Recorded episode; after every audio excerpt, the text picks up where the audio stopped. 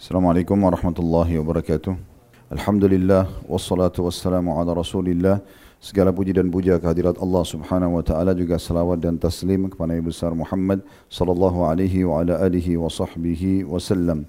Melanjutkan pada buku kita Sahih Targhib Tarhib dan kita masih dalam kitab haji di bab yang sama bab 1 anjuran melaksanakan ibadah haji dan umrah dan hukum orang yang berangkat ibadah haji dan umrah lalu meninggal dunia. Kita masuk hadis ke-9 dalam bab ini dengan sanad hasan di ghairihi. Menjadi hasan kerana dikuatkan dengan riwayat-riwayat lain urutan 1102 dari awal belajar. Dari Ummu Salamah radhiyallahu anha dia berkata, Rasulullah sallallahu alaihi wasallam bersabda, "Al-hajju jihadu kulli dha'ifin." Haji adalah jihadnya setiap orang yang lemah. Diriwayatkan oleh Ibnu Majah dari Abu Ja'far dari Ummu Salamah. Hadis ini sebenarnya sudah disinggung pada pertemuan yang lalu bahwasanya haji dimudahkan oleh Allah Subhanahu wa taala untuk meraih pahala seperti jihad darinya bagi orang-orang yang sedang memang kondisi fisiknya lemah atau para wanita ataupun orang yang sudah tua. Dan ini berarti menandakan pahalanya adalah pahala seperti jihad atau mendekati pahala jihad itu sendiri.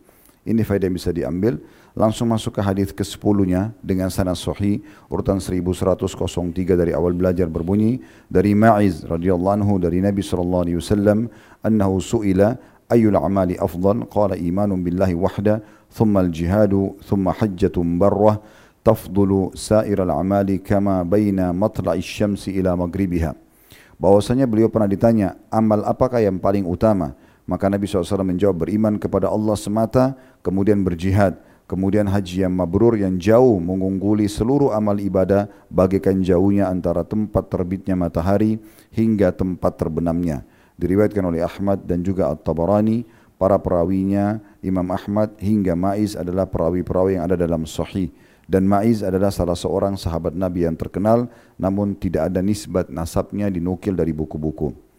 Hadis ini memberikan pelajaran kepada kita yang pertama bahwasanya Ma'iz radhiyallahu anhu seorang sahabat yang mulia memiliki kecerdasan sebagaimana umumnya para sahabat. Dan ini sering kami masukkan dalam faedah pertama dalam hadis-hadis yang selalu kita kaji yaitu bahwasanya setiap ada sahabat yang menceritakan tentang bagaimana prosesi hadis disebutkan atau memang dia bertanya inisiatif dari dia sehingga keluarlah sebuah hukum ini memang sebuah faedah tersendiri menandakan kecerdasan yang Allah Subhanahu wa taala berikan kepada dia Karena berapa banyak orang yang bertanya tentang sebuah hukum yang sedang dia ingin tahu, akhirnya orang lain jadi tahu dan tersebar luas menjadi sebuah ilmu pengetahuan yang baik. Jadi ini sebuah hal yang baik tentunya dalam majlis ilmu bertanya tapi tentu dengan syarat dia memang ingin mengetahui ikhlas karena Allah dan bukan karena ingin mengetes ya pemateri ataupun di sini menyaingi para ulama dalam beberapa hadis disebutkan. Maka ini sebuah hal yang positif dan pertanyaan juga sangat baik. Ditanya ayyul amali afdal? perbuatan apa dalam Islam yang paling utama. Ini faedah pertama. Jadi pentingnya bertanya tentang amal-amal yang paling baik yang bisa kita dapat atau kerjakan sehingga kita mengejar pahala yang bisa diraih dari situ. Faedah kedua dari hadis adalah selalu saja di posisi nomor satu amal yang paling afdal adalah iman kepada Allah semata. Tentu di sini juga diikuti dengan beriman kepada Rasulnya Muhammad sallallahu alaihi wasallam karena tidak sempurna tanpa iman kepada risalah Nabi Muhammad sallallahu alaihi wasallam. Ini sudah kita jelaskan tentunya menyempurnakan tauhid adalah dasar sekali daripada puncak keimanan dan amal soleh seseorang. Dia yakin tidak ada Tuhan yang berhak disembah kecuali Allah, hanya hanya bergantung, hanya mencintai, hanya membenci karena Allah Subhanahu wa taala. Faedah ketiga dari hadis tentang kedudukan jihad.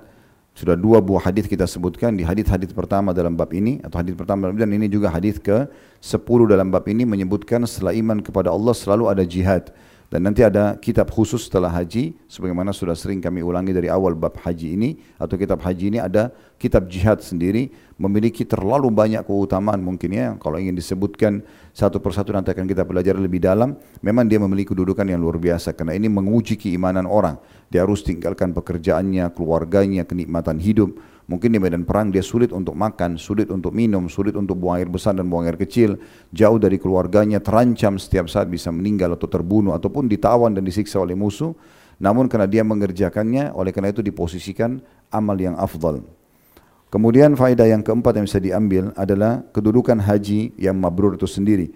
Karena disebutkan setelah jihad. Dan di sini Nabi SAW menggabungkan ketiga amal ini dan mengatakan sesungguhnya ketiga amal ini akan mengungguli amal-amal soleh yang lain seperti jaraknya antara terbitnya matahari dan terbenamnya. Maksudnya sangat jauh sekali keutamaan di sisi Allah Subhanahu wa taala dibandingkan dengan amal-amal yang lain. Kita tutup dengan hadis ke-11.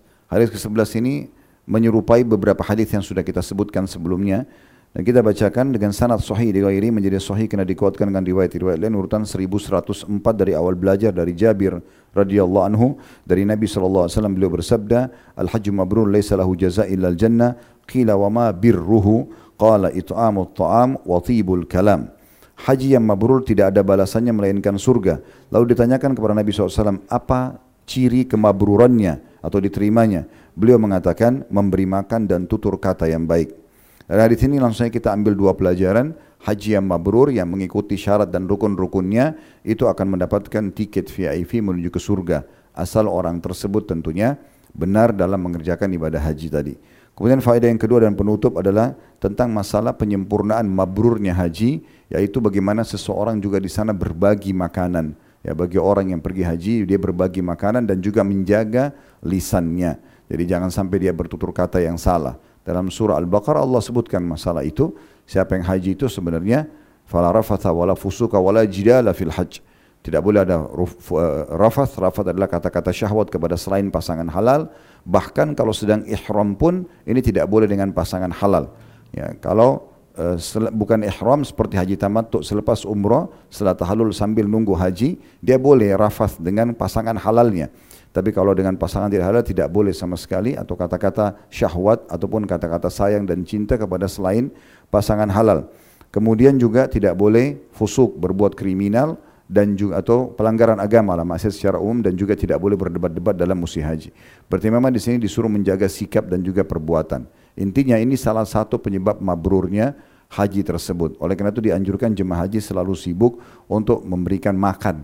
Ya di Uhud kami selalu buat program itu setiap kali keluar dari kemah menuju ke Jumrah baik di hari tarwiyahnya atau di hari-hari hari nahar idul adha dan juga tiga hari-hari tasyrik setiap pergi jumrah atau pulangnya kita selalu mengajak jemaah untuk bersedekah di situ cukup banyak penjual-jual makanan dan minuman untuk berbagi-bagi. Ini karena salah satu program penyebab mabrurnya ibadah haji tersebut. Dan insya Allah tahun ini kita akan buat program resmi dengan yayasan-yayasan yang sudah mendapat izin dari pemerintah Saudi untuk mengaplikasikan program ini. Nah di sini juga ada tambahan, sebagian ulama mengatakan bagi orang yang tidak haji dan kemudian dia masuk di 10 awal bulan Zulhijjah, termasuk amal yang afdal adalah memberikan makan kepada orang lain. Selain berpuasa, selain berzikir, bertakbir, bertahlil, maka memberi makan termasuk amalan yang sangat diperintahkan dan juga menjaga tutur kata yang santun dan sopan sehingga tidak berisikan kata-kata yang menyakiti atau maksiat kepada Allah Subhanahu wa taala. Semua bermanfaat. Subhanakallahumma bihamdika asyhadu an la ilaha illa anta astaghfiruka wa atubu ilaik. Wassalamualaikum warahmatullahi wabarakatuh.